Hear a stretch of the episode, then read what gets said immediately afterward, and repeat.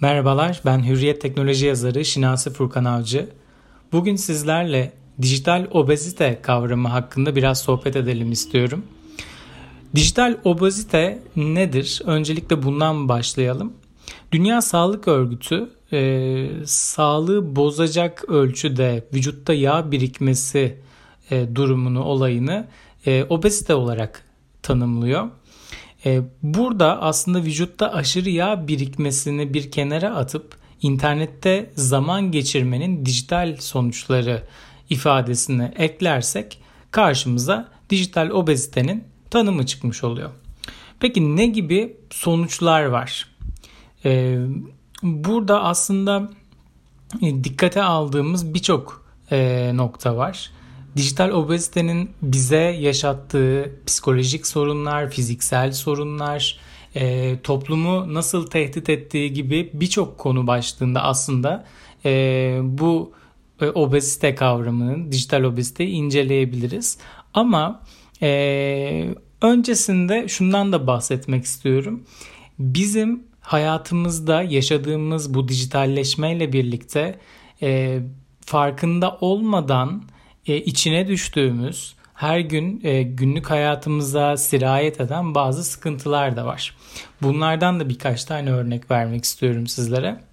E, mesela e, nomofobi var. Yani e, telefonla olan bağlantım kesilmesin korkusu, kesilirse korkusu.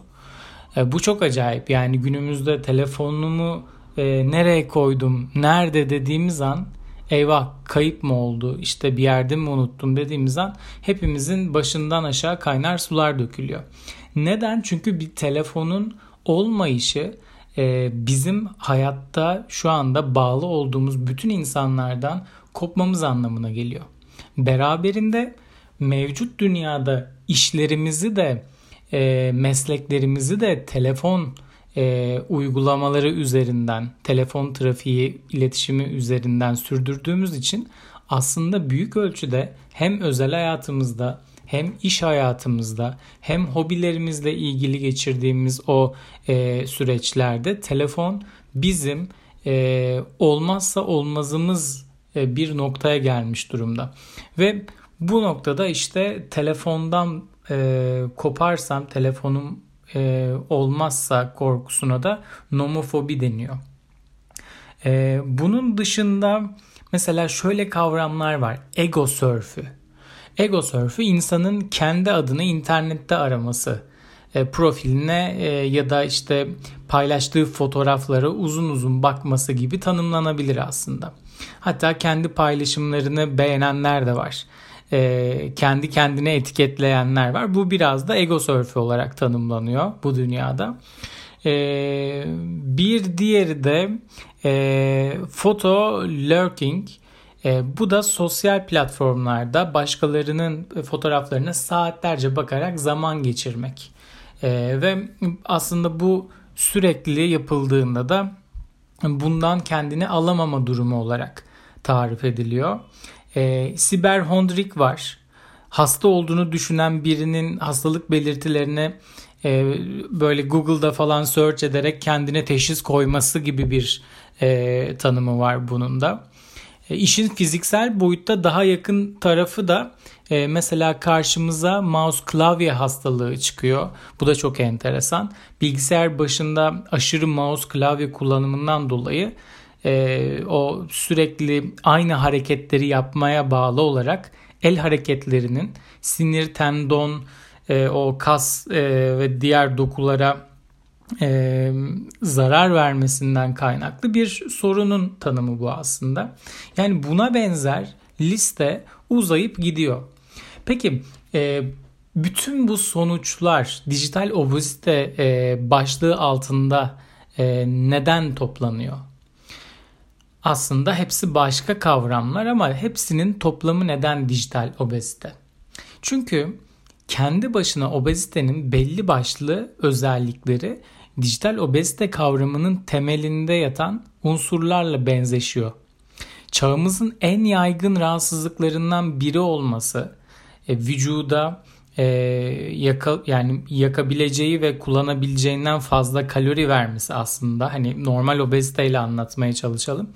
E, ve bunun sonucunda ortaya çıkması işte bazı aksaklıklar yaşatması, uyku problemleri, genel anlamda e, yorgunluk hissi, e, halsizlik hissi, eklem ve sırt ağrıları gibi sorunlara yol açması e, belki de e, bunun temel sebebi. Bir de tabii ki psikolojik etkisi var. Olumsuz benlik algısı, öz değer kaybı, onlar öyle ben niye böyleyim e, ya da işte e, kendimi değersiz hissediyorum gibi böyle e, sonuçları da olabiliyor. Ve tabii ki bu e, depresyonla sonuçlanıyor. E, günün sonunda baktığımızda aslında ne yapmamız lazım? Aşırılıktan biraz uzaklaşmamız ve bunu dengelememiz lazım. Tamamen telefonu, dijital dünyayı hayatımızdan çıkaramıyoruz belki ama burada biraz daha e, tıpkı obezite tedavisi gibi e, birden hani kesmek yerine yemeği içmeyi yavaş yavaş azaltarak e, bu bağımlılıklarımızdan kurtulmamız gerekiyor. E, VR Social ve e, Hootsuite'in Ocak e, 2020'de paylaştığı bir rapor vardı. Onun yenisi gelmedi. Yeni raporların verilerini e, aslında araştırdım ama e, son raporun verilerine göre çok enteresan sonuçlar var karşımızda. E, dünya çapında 4.5 milyar kişi zaten internet kullanıcısı. Küresel nüfusun %59'una falan denk geliyor bu. Yani Türkiye'de de 62 e, milyon internet kullanıcısı var. Bu biraz daha artmış olabilir. E, tipik bir kullanıcı uyanık olduğu zamanda %40'tan fazlasını artık internette geçirmeye başladı dijital dünyada. Ve insanlar e, bütün insanlığın toplam geçirdiği sürede 1.25 milyar yıl internette geçirdiği süre. Yani bunlar korkunç veriler. Bir yılda bu kadar insan bu kadar süreyi internet ortamında geçiriyor. Bunun dışında dünya ortalamasına bakıldığında kullanıcıların internette geçirdiği günlük süre 6 saat 6-7 saat civarında. Türkiye'de ise 8 saate yaklaşmış durumda. Bu da e, ciddi bir e, fark ve aslında Türkiye'de insanların bu e, dijital obeziteye ne kadar e, aslında kendini kaptırdığını ve bunun aslında bununla mücadele ettiğinin, bunun içinde olduğunu, böyle bir sorunu olduğunu farkında olmadığının bir göstergesi. E, sayılar ciddi anlamda dikkat çekici. Aslında şunun farkında olmamız lazım. Geçirdiğimiz bu saatlerin ne kadarını e, bize katkı sağlayacak, bizi mutlu edecek şeylerle biz değerlendiriyoruz. E, bu çok önemli. Burada işte normal obeziteden ayrılan bir şey var. Çünkü normal obezitede insanlar genelde yedikleri yemekle hep mutlu olurlar ama dijital obezite de böyle değil. Yani bizim e, o dijital dünyada etkileşime geçtiğimiz, kullandığımız, e, hayatımızın bir parçası haline getirdiğimiz alışkanlıklar, araçlar, e, davranışlar hiçbiri aslında vazgeçilmez değil ve birçoğu da bizi mutlu etmiyor. Biz mutlu ettiğini sanıyoruz. Bazen oyalanmak için bunları tercih ediyoruz ama birçoğu bizleri mutlu etmiyor.